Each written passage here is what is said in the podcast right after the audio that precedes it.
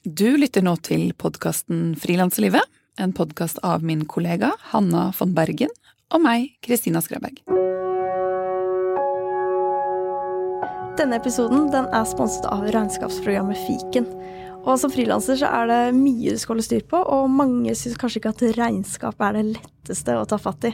Eh, Fiken har som mål å gjøre regnskap lett. I Fiken kan du sende fakturaer, du kan ta bilde av kvittering med Fiken-appen, levere moms og skattemeldingen, og alt fra samme sted. Og du kan prøve gratis i 30 dager på fiken.no.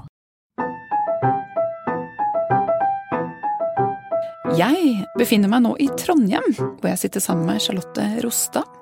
Hun er kunstner og driver også det kunstnerdrevne utstillingsstedet Rake visningsrom. Charlotte er 34 år, er fra Kabelvåg, bor i Trondheim med et barn og mann. Charlotte har en master fra Kunstakademiet i Trondheim, og som kunstner jobber hun primært med tegning og tekst, gjerne store tegninger av mennesker. Hei, Charlotte. Hei. Hyggelig å møte deg for første gang. Hyggelig å få lov å være her. Ja. Før vi eh, begynner å prate, så vil jeg bare si eh, tusen, tusen takk til eh, Munch Studios. Eh, fordi vi sitter og tar opp denne samtalen i deres produksjonslokaler. Eh, Munch Studios de lager mediemagasinet Kurer for NRK P2 og allsangprogrammet Syng for NRK P1 pluss, og veldig mye annet. Så tusen, tusen takk for at frilanslivet får bruke både utstyr og studio og så er det veldig hyggelig å komme til et sted og bli kjent med liksom nye mennesker i bransjen og i Trondheim. Og et av de menneskene jeg skal bli kjent med, det er jo deg, Charlotte. Altså, du lager jo blant annet sånne store, gedigne tegninger av eh, mennesker. Eh, og menneskeansikter. Eh, kan ikke du fortelle litt om disse Kanskje man kan kalle det portrettene, eller tegningene? Ansiktene? Det begynte med ansikta. Det var fortsatt mens jeg gikk på Kunstakademiet. Når jeg flytta til Trondheim, så hadde jeg ikke egentlig så veldig lyst å være her. Jeg hadde lyst til å gå på Kunstakademiet, men jeg hadde ikke lyst til å bo i Trondheim. Jeg hadde bodd et år i Oslo, og det var på en måte der jeg ville være. Um, så det første året jeg var her, så, så kjente jeg liksom at å, jeg kan ikke drive og kjempe mot Altså, nå er jeg her jo, jeg må jo bruke det her. Uh, og en av de tingene jeg fant ut jeg skulle gjøre, var at jeg skulle gå altså hver gang jeg gikk mellom skoler og, og hjemme, det var jo på en måte det jeg gjorde hvis jeg var ute og gikk, så skulle jeg smile til dem som jeg møtte, bare liksom for å se hva, hva gjør det med meg, og, og, og, hva skjer da. Så jeg begynte på en måte bare å, å betrakte veldig de her folkene som jeg gikk forbi, og, og det å smile til noen. Noen, noen blir veldig satt ut av det, jeg syns det er ganske ubehagelig at en fremmed person smiler. Er akkurat som liksom, hva, det, hva er det du vil med? Og det var noe i det der med å se på disse ansiktene som Som på en måte Som fortalte noe om om dem, sikkert. Men det kunne jeg ikke egentlig vite. Så jeg følte at det snakka mer om, om, meg, hvordan jeg tolka disse liksom, signalene de sendte meg, med det her smilet som jeg sendte dem. Som, så jeg ble veldig sånn på ansiktet som en sånn historieforteller, der vi, vi legger jo så utrolig mye identitet knytta til hvordan vi ser ut. Jeg har eksempel fått chippa i tann her, og, og, det har liksom det Plutselig så bare Oi, ansiktet mitt er annerledes. Jeg skjønte ikke helt hva det var. Og så var det den her chipen på tanna som jo er inni munnen, og som, som er rart at skulle, jeg skulle føle meg annerledes av en pitt, for det er veldig lite. altså Det er helt sånn latterlig egentlig å snakke om det her. Men det, det er Vi legger så mye i Ikke altså selvsagt hvordan vi ser ut, men vi legger så mye identitet i, i hvordan ansiktet vårt på en måte er samla. Uh, eh, I tillegg til at vi jo ofte prøver å beherske Vi har liksom lært oss å beherske ansiktet vårt for å fremstå på en eller annen måte, eller noen ting man gjør, noen ting man ikke gjør. Så det ble en sånn interesse for, for ansiktet som både sånn identitetsmarkør, men også hvordan den kunne fortelle historier om, om oss, bare. Uh, så menneskets historie, og på en måte bare det at vi eksisterer, er en ting som for meg er så utrolig absurd. så jeg har liksom prøvd å, prøvd å holde litt på det. Hvordan kan jeg fortsette å synes at det er rart at vi eksisterer? Uh, og bruke det, som er egentlig veldig banalt, kanskje naivt. Um, eller det er jo ikke det, for det, det er jo ingen som vet, egentlig. Men bruk det inn i, i de tingene jeg holder på med. Så jeg har jo gått bort mye fra de der store ansiktene, eh, sånn rene sånn portrettene som jeg gjorde helt i begynnelsen. Men jeg jobber jo fortsatt veldig stort, og kanskje mer fokus på hele Altså hvordan jeg kan bruke mennesket som historieforteller. Jeg er veldig opptatt av et slags umulig narrativ, altså det å fortelle historier som, som bare gir bitte litt. Så det er veldig opp til deg som betrakter å, å fylle inn eh, holdene, på en måte mellomrommene.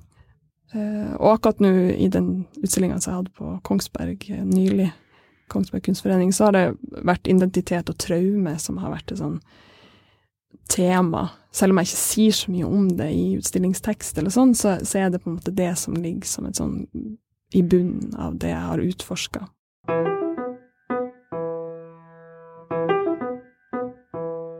Hvordan er det å både være utøvende kunstner selv, men også kuratere andres kunst? Det her med kunst har vært veldig vanskelig, og det er det sikkert for de aller fleste som trør inn i Jeg kommer jo ikke fra en bakgrunn der kunst uh, var en del av min, min barndom. Veldig kreativ barndom, men ikke kunst visste vi på en måte ikke helt hva var. Noe som er litt rart. Jeg er fra Kabelvåg, det er kunst- og filmskole der. Film visste jeg hva var. Men kunst var litt mer sånn diffust.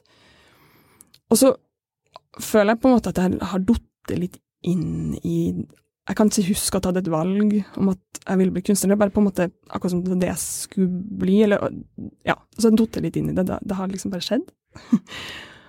og det er litt den følelsen av og frykten for å bli avslørt. At noen plutselig skal komme og fortelle deg at ja, men det er jo ikke kunst. Eller altså, du kan jo ikke være kunstner. Eller noe i den duren. Motsatsen da, er at helt siden jeg begynte på Kunstakademiet og liksom vært i den prosessen med å lage utstilling, så var det noen ting jeg kjente at der har jeg ikke hatt noe frykt. Der har jeg bare visst at det her kan jeg. Jeg er god å lage utstilling, og det at jeg kan si at jeg er god til noe, er, det er ikke så vanlig. Så det føles veldig, føles veldig bra. Så når, det var liksom ikke så rart å skulle starte her galleriet, jeg, eller visningsrommet, da. Fordi at jeg, jeg stoler på meg sjøl i det der møtet med å, med å lage utstilling. Kuratorrollen har nok vært mer sånn der Det å kalle seg kurator, det, det setter veldig langt inn. Og det, det, sier jeg jo fortsatt ikke uh, annet enn noen sånne anledninger der du på en måte bare må. Uh, men det å lage utstilling, sånn visuelle med, å, med, oppheng og hvordan ting skal være for å lage et godt rom, og, en, liksom hvert kunstverk i utstillinga får sin plass, det er liksom noe jeg har stolt på. Så det har vært en veldig fin uh, videreutvikling, selvsagt, av det, noen ting jeg følte at jeg kunne. Og det at jeg ser at disse samtalene som jeg har med kunstnerne som stiller ut, det mater veldig det måten jeg ser mitt eget kunstnerskap på. For der har jeg mye frykt, uh, både for å være ja, både holdt på å si dum, uh, eller uinteressant er kanskje enda verre. um, men i samtaler med andre kunstnere så begynner man liksom å forstå sin egen relevans. Um, og ja, man ser sitt eget på en annen måte, tror jeg, enn hva i hvert fall jeg ville ha gjort hvis jeg bare hadde hatt denne atelierpraksisen. Så det har vært veldig viktig for meg å ha et, et møtepunkt der, der jeg snakka Det er jo nærmest daglig med, med andre kunstnere om hva de gjør. så jeg, ikke så, jeg har ikke vært så god å snakke om hva jeg sjøl gjør, for det er, jo, det er jo dem møter oss veldig ofte. Men det å bli bedre. Man har jo holdt på en stund, så Ja, man lærer vel kanskje en del av hvordan andre presenterer seg og sitt. Ja. Og, ja. og det å tenke over Det tror jeg er en av de viktigste tingene for en kunstner, og sikkert for alle kunstfeltene, med å tenke over og bestemme seg for hvordan kunstner vil jeg være. Eh, for det er jo veldig mange måter å være kunstner, og veldig mange veier vel. Og jeg tror den dialogen, å ha den med seg sjøl, mye, tror jeg kanskje er noe av det viktigste. For man skal jo holde på med det her liksom til, til man dør, føles det som. Ja. Og mm. da da blir det så viktig. For jeg føler jo nå jeg har holdt på kjempelenge, eller bare kjempekort. Og det, det er jo sant. Det er vel ja, syv år siden jeg var ferdig. Og det føles jo som et knips, men også som veldig, veldig lang tid, da. Interessant det du sa om at du eh, fortsatt ikke sier at du er kurator, men så har du jo egentlig kuratert utstillinger og satt opp utstillinger i over syv år gjennom Ja, Rake. Og selv så tør jeg knapt å si at jeg er fotograf, men har jo fotografert i over ti år. Men hvordan man er så redd for å Eller har så mye ærefrykt fra, for det man eh, eh, virkelig verdsetter, da, av, eh, i et fag eller i Ja. Og så kanskje man er for redd. Jeg vet Ja. ikke. Ja. Liksom når, når kan man si det? Når Ja. er man god nok? Hvem, Ja. hvem bestemmer det? Hvem Ja. Absolutt. Først og fremst en selv, kanskje. Mm. Jeg tror at når man innser at det ikke har noe å si, og det klarer jeg å gjøre av og til, at det har jo ikke noe å si hva jeg kaller meg, eller hva andre kaller meg. Det viktigste er jo på en måte Hva du gjør. ja, Ja. det jeg gjør, og de, de ulike rollene jeg da inntar i ulike prosjekter. Og så er det liksom ikke så farlig. Mm.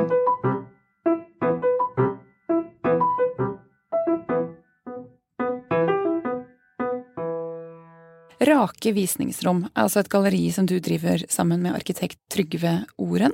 Ja. Som du fortalte da du kom inn her i dag, at også er det en mann. Eh, galleriet ligger nede ved kaikanten i sentrum av Trondheim, er, og det er et sånn lite bygg, primært bygget med gjenbrukte vinduer og treverk. Ja, for hvor mye på en måte ligger bak av usynlig arbeid og eh, ja, engasjement for å opprettholde et slikt visningsrom? Det er, jo, det er jo veldig, veldig mye. Og det er jo selvsagt hva man gjør det til. Uh, man kan jo på en måte ha et sånt sted, og så kan man gi nøkkelen til kunstneren, og så, er opp til kunstneren og, og gjøre ting. Men det har aldri vært interessant for oss, for det er jo nettopp, nettopp det å lage utstilling, nettopp møte med kunstnere, være og skape et nettverk som, der vi kan lære noe, selvsagt, av, av dem òg. Mm, så det har aldri vært aktuelt for oss å på en måte gjøre det lett. Da kunne vi heller slutte. Så vi har vel, lagt veldig i det. Så det går jo helt fra liksom både det, den kontakten med, med alle kunstnere. Noen kunstnere liker jo å holde kontakt over et år på en måte før utstillinga, der det er ganske mye mail. Noen eh, jobber mer sånn at de på en måte ikke vet kanskje helt hva de skal gjøre før rett opp mot utstillinga. Sånn at, eh, så det er jo all den der kommunikasjonen, bare, med, med alle, alle kunstnerne. Men så er det sånne ting som Vi hadde nettopp, eller tidligere, et, eh, et arrangement der, eh, der vi på en måte um, slapp inn noen til å gjøre et prosjekt. Uh, der de forsikrer oss om at uh, Men det, det blir ikke noe merarbeid på dere. Og så tenker man sånn, ja, men det blir det. Det vet vi. vi fordi det er alltid det med å ha et sted. Um, så det, jeg tror Nå husker jeg kanskje ikke det opprinnelige spørsmålet, men Og det gjør ikke noe. det er noe med å på en måte bare ha litt dårlig hukommelse på hvor lang tid ting faktisk tar, sånn at du ikke tenker så mye på det, og bare gjør, og så, um, og så på en måte oppsummere etterpå. Eh, Ja, jeg tenker noen ganger at jeg er så glad for at jeg glemmer så lett hvor mye det har kostet, på en måte. Eh, sånn at jeg gjør det igjen og igjen. Ja. Det, for jeg Man vil jo helst gjøre, gjøre det igjen. Man vil jo ikke stoppe, på Nei. en måte. Det er da måtte man ha funnet seg noe annet, tror jeg. Ja. Hvis man, eh, hvis man skulle leve i Det er selvsagt eh, stunder der jeg liksom tenker hvem gjør jeg dette for? Altså hvem Jeg gjør alt det arbeidet for andre kunstnere, kan det føles som av og til. Hvorfor gjør jeg det? Eh, når jeg får Det kan føles som når jeg får så lite tilbake. Og det er jo ofte at hvis man har litt sånn økonomisk krise, at man liksom kjenner at åh, går det her opp? Kan vi kan vi rettferdiggjøre å holde på sånn her? Og finne bestandig ut at det går. ja. Eh, hvorfor gjør du det, da? Hva, hva lander du på? Eh, Det tror jeg òg har variert. Men det er jo fordi at det er helt fantastisk. Vi er jo kjempeprivilegert å få lov til å styre alt på en måte helt sjøl. Det bare eh, Det tok litt lang tid å lære seg å si nei til ting, da. Men, men det er bare jeg som liksom bestemmer egentlig hva, hva jeg skal gjøre. Og så er det møte med jeg, jeg går jo og ser ganske mye utstillinger, og må jo på en måte innrømme at det er jo ikke så mye jeg syns er sånn ordentlig interessant. Uh, og jeg vet jo hvorfor. Det er jo på grunn av tid. Det er på grunn av at man ikke investerer nok tid i disse utstillingene. For jeg ser jo i visningsrommet så har vi hatt 60 prosjekter, kanskje. Og kanskje det er noen få der som jeg liksom ikke Som ikke traff meg, som, ikke, som jeg ikke møtte, på en måte. Eh, som jeg kanskje ikke syntes var så interessant. Så det er jo en ekstrem forskjell der, da, på, på hva jeg ser hos andre, altså i andre utstillinger, og det i de prosessene der jeg på en måte møter kunstnerne på et annet plan enn bare å komme og se utstillinga. Så jeg tror det. Jeg tror jeg er interessert i prosess. Interessert i å, og på en måte få, få vite så mye mer, og det gir meg veldig mye eh, i mitt eget kunstnerskap, men også bare generelt, liksom, om kunst. Så når du sier at når du ser annen kunst i utstillinger hos andre, og det ikke treffer deg, og så nevnte du at du på grunn av tid, og da tenker du fordi du bruker lite tid mm. i utstillingen og i det kunstnerskapet, da? Ja. ja. ja. Man har liksom ikke Eller jeg kjenner jo på at jeg ikke har tid til å investere Og ikke muligheten, da, selvsagt, for jeg kan ikke møte disse kunstnerne. Eh, så man har ikke muligheten helt til å investere samme type tid i det som jeg selvsagt får da gjennom eh, visningsrommet.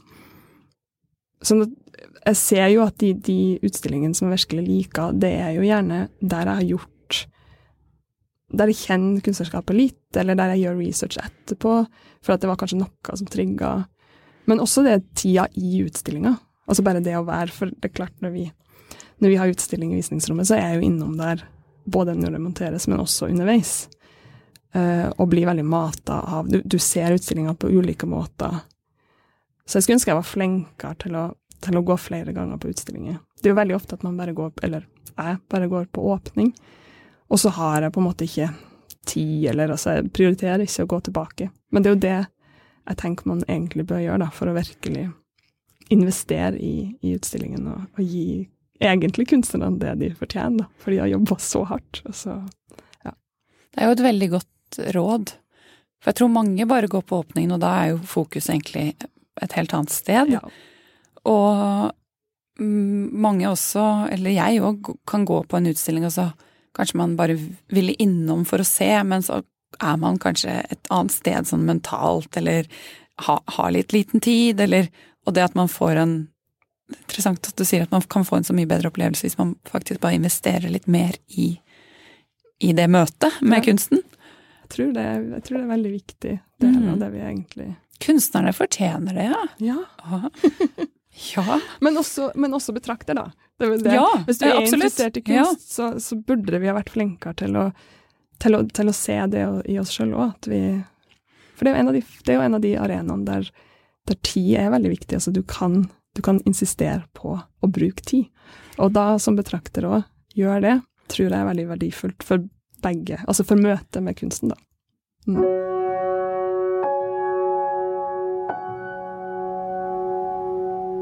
Denne episoden den er sponset av kontorfellesskapet Arctic Coworking Lodge, som holder til i Lofoten. Her møtes frilansere fra hele verden for å bo, jobbe og utforske Norges råeste natur.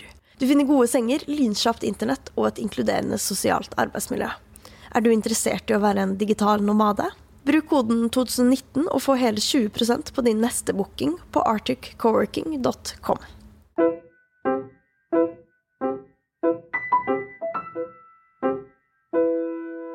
Hvordan veksler du mellom det å jobbe med Rake og det å jobbe med din egen praksis? Jeg vet ikke om jeg veksler. Nå, I dag har vi jobba både med Rake og egen praksis før jeg kom hit, og da møttes vi klokka elleve. Sånn at eh, det er jo noen perioder, sånn som jeg sa tidligere, når jeg skal ha utstilling, så er Vi har litt sånn prosjektbasert familie, kan jeg kanskje si da. Da er, da er Trygve den som på en måte tar hjemmeansvaret, holdt på å si. Henter i barnehagen, lager middag, alle de her tingene som nå er blitt en del av vår hverdag. I tillegg til at han også ofte er med og produserer um, mer sånn konkrete fysiske ting til utstillingen, altså sånn utstillingsarkitektur, nærmest. Så da har vi liksom prosjekt der, der jeg får den der tida, der liksom vi rydder vekk rydda vekk det andre. Rydda vekk Rake. Han tar utstillingen der hvis det, hvis det er noen ting som krasjer, på en måte.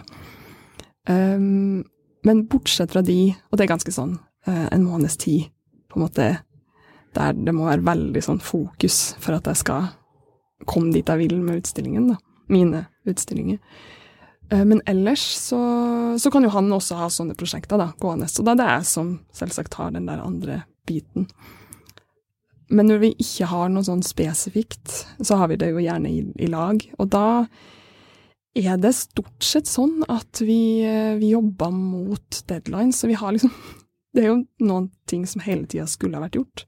Så det er vel eh, en sånn bøtte med ting som skal gjøres. Så det er bare på en måte plukka det som ligger øverst, de, de nærmeste datoene, og så flytte nedover. Og det er noen ting som um, Det kan jo være veldig strevsomt, for at du føler jo hele tida at du er litt på etterskudd. Um, at man liksom skulle ha gjort. Uh, Mer enn bare det som er på toppen av bøtta, liksom? På en måte. Uh, men vi har jo Man må jo ha oversikt over alt det som er i bøtta, da. Så det er jo liksom den bøttemetaforen vært. men ja, det er liksom noe med å ha oversikten, men likevel skrelle av alt det småtingene som må gjøres hele tida. Så det blir en veldig sånn hverdag der der man kanskje har satt av noen, noen dager i uka der, som er atelierarbeid. For denne ateliertida, den bør helst ikke Da må liksom bare datamaskinen være hjemme, telefonen være på lydløs, og få jobb. For det å, det å tegne for meg er i hvert fall noen ting som bare er i kroppen, og er nødt til å liksom være der. Eh, og da kan det ikke komme sånne så mange ting utenfra. Eh, men så det blir jo til at vi på en måte vi jobber fra ja, holdt på å si ni til fire, og så legger vi ungen, og så jobber vi på kvelden i lag. Um, så ja, vi, ja, ikke så mye veksling, men mer bare bare jobba hele tida. men den ateliertiden hørtes jo mm. ganske sånn uh, send ut. Litt sånn ja. uten forstyrrelser. Man prøver på, da. Men, ja. Eh, så det er igjen ideal, eh, idealtida. Det, det Har du det godt i det rommet der? Det er jo, det er jo noe av det beste. Uh, det er det, altså. Både den og, og den nye prosjekta med Trygve. Når vi liksom er i starten av et prosjekt der det bare er idé, det er det som kanskje er litt sånn forskjell på den praksisen som jeg driver helt alene, og den som er samarbeid. For den som er samarbeid, så må du liksom sitte og snakke ideene høyt. Eh, så det er en helt annen måte å jobbe på enn når jeg bare går inn i hodet mitt og begynner å på en måte kna hva er det jeg har lyst til å snakke om, hva er det, hva er det jeg driver med. Så det å ha begge de der to eh, er ulike energier, men, men veldig like, da. Og de, det er liksom det som gjør alt det andre verdt å, å, holde på med, tenker jeg. Det å liksom ha, ha den type energi som er, som er veldig privilegert, da.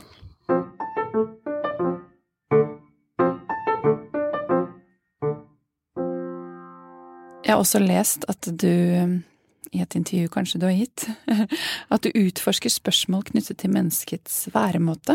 Hvordan minner har en sentral plass i forhold til hvordan vi oppfører oss, og hvilken plass og hvilken plass vi mennesker har eller tar i verden.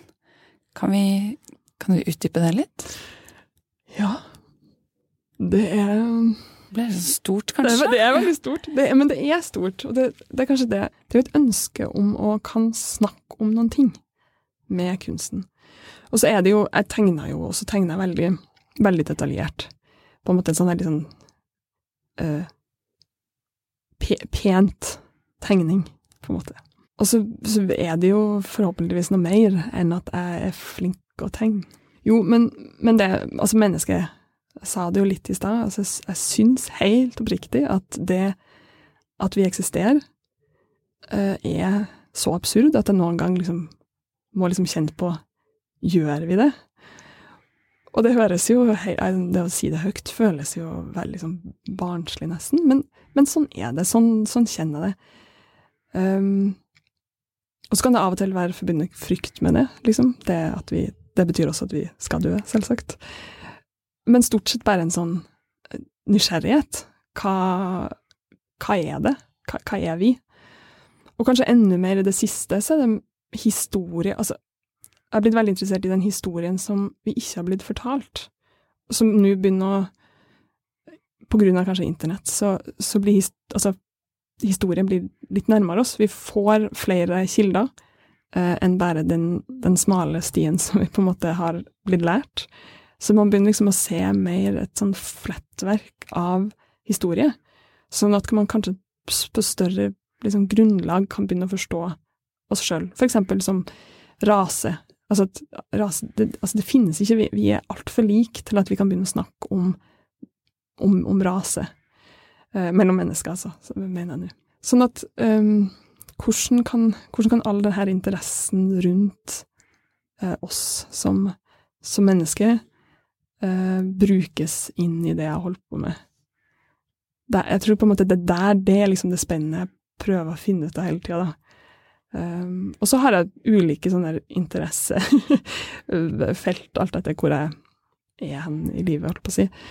Så i det siste så har det vært traume. Jeg har sett mye på, på bilder fra mellomkrigstida, altså bilder etter første verdenskrig, der man har noen skader på mennesket som er så brutale at du, du ser på disse og bare tenker at det er helt umulig å skjønne at denne personen er i live.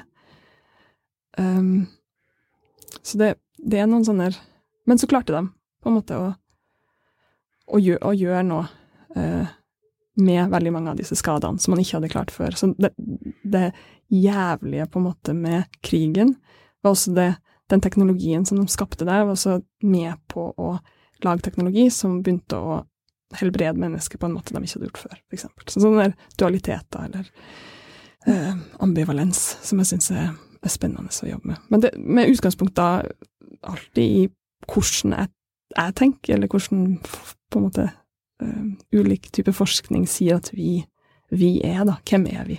Eller, eller noe sånt. Men det er veldig stort. Det er veldig vanskelig å prate om. Men hva gjør det med deg å eksponere deg selv for den type bilder av traume? Noen... Tåler du det? Liksom? Ja. Jeg tror kanskje én ting er også det at jeg har den her tida, da. Um, jeg kan jobbe med det Så det er tegning, så jeg kan jobbe med det på en måte, selv om det er veldig figurativt, så kan jeg jobbe med det ganske abstrakt. Jeg jobber ganske stort, så jeg kan jobbe ned på et nivå. Eh, så jeg trenger liksom ikke være i det brutale hele tida. Eh, men valget med å jobbe med det brutale har jo likevel vært viktig i noen av Det så veldig mange tegninger det er snakk om det her, og jeg vet ikke hvor det tar meg videre. Men, men stort sett går det er det veldig fint, på en måte. Altså, fælt å si, men for mye av det handler jo Det her er jo krigshandlinger, men noen ganger så er det jo også bare Altså, man er jo født ulik. Um, og at noen har har skader etter fødsel, eksempel, som også er med på å forme en identitet, eksempel. Så det er ikke alt som er like Men jeg prøver liksom å, å gå litt inn i Prøve å tenke liksom hvordan var det for Marianne Beaven, som ble kåra til eh, Londons styggeste dame i 1911. Altså, hvordan var det for hun, For hun tok jo valget sjøl om å starte i et freakshow for å tjene penger til sin familie. Uh, hvordan kan vi se på det som har skjedd i våre samtid, med mitt blikk, på en måte? Eller hvordan kan jeg se på det med mitt blikk og prøve å forstå noen ting om det som både skjedde da, men det som foregår nå? Uh, men det jeg har sett, er at jeg kan ikke søke etter ting på internett, for internett er altfor brutalt.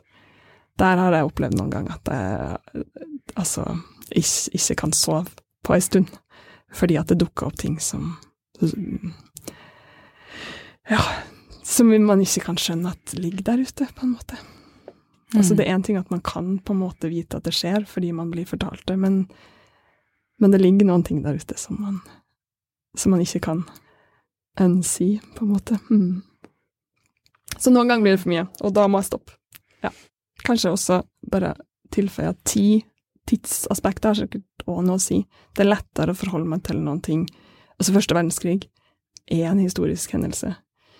Mens mye av det som ligger på internett, handler om nå. Det handler om, om, mennesker som like gjerne kunne vært oss nå. Uh, og det tror jeg kanskje den Det er kanskje det som treffer enda hardere uh, enn noe annet, da. Ja.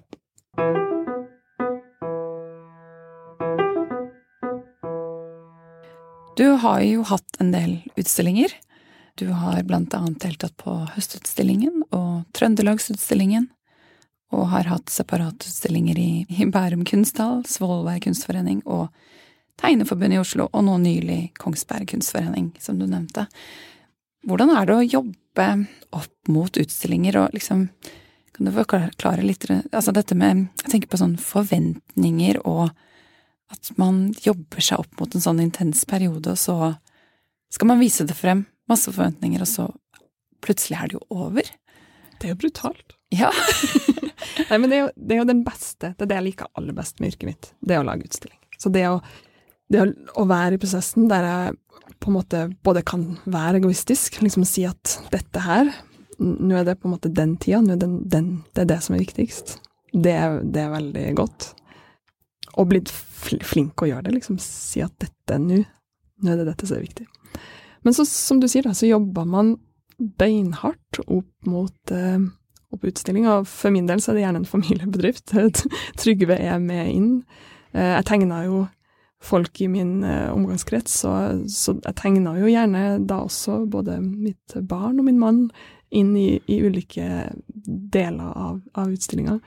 Og vi er så heldige at vi har familie som, som gjerne kjører fra Lofoten til Kongsberg for å for å ta vare på gutten den uka før, um, før montering. Ja, det, det, er virkelig Vi er veldig heldige. Men så kommer den dagen, det er åpning, og, og åpninga er jo sånn som åpning er. Man er kanskje Man er der, men for min del så kan jeg ofte føle at jeg er litt sånn litt utafor, på en måte. Altså at jeg ikke vet helt um, Hva er det egentlig man har gjort? For man har vært så konsentrert og fokusert. Og så kan jeg liksom kjenne på at Oi, hva er det her for noe? kan være veldig fornøyd med utstillinga, men likevel, hva, hva er det jeg prøver å si? Eller den frykten kan komme litt. Men så er det som du sier, så er det ferdig. Og så får man jo veldig lite tilbakemelding. Hvis du ikke får en kritikk, og det er det jo de færreste som gjør, det, spesielt hvis det er utafor byene, så vet du jo egentlig ikke hva du har gjort heller, i møte med publikum. Og møte med publikum er jo en stor del av det jeg tenker jeg driver med.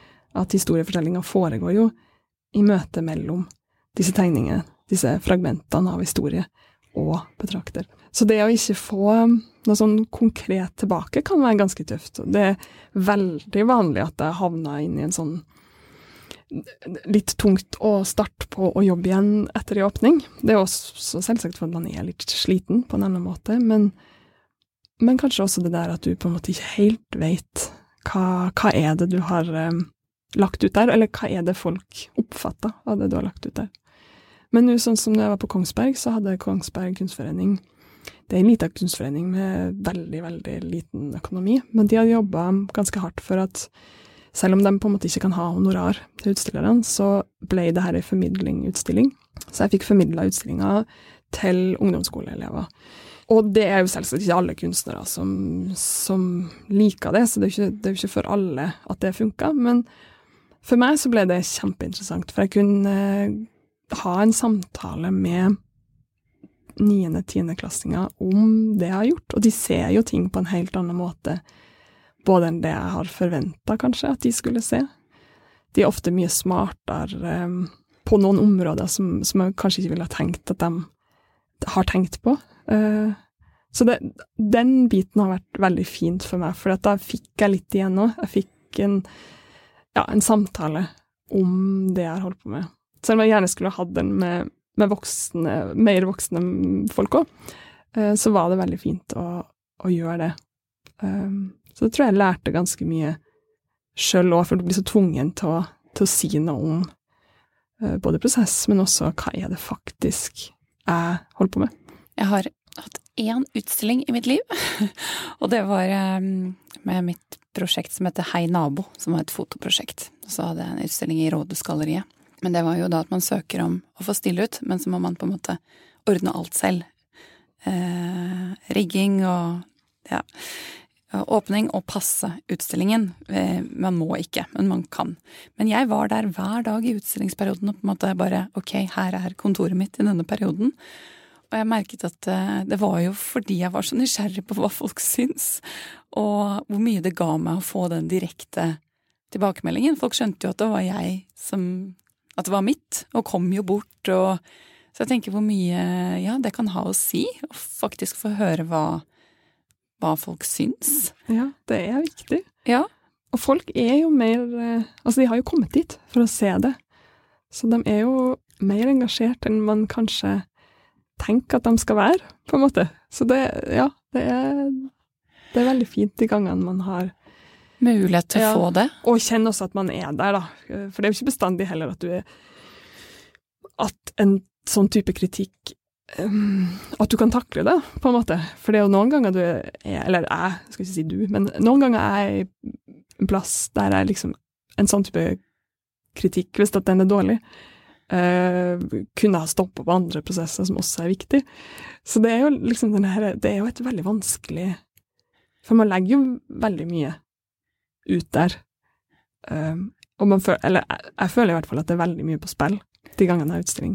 Den der igjen, jeg kan bli avslørt, eller er det bra nok, eller uh, selvsagt er det bra nok, men skjønner de det, eller alle disse tingene som, som en sånn, både en positiv frykt, eh, en slags ressurs, men, men også kan det være vanskelig da, hvis, hvis det er feil type kritikk som, som kommer tilbake.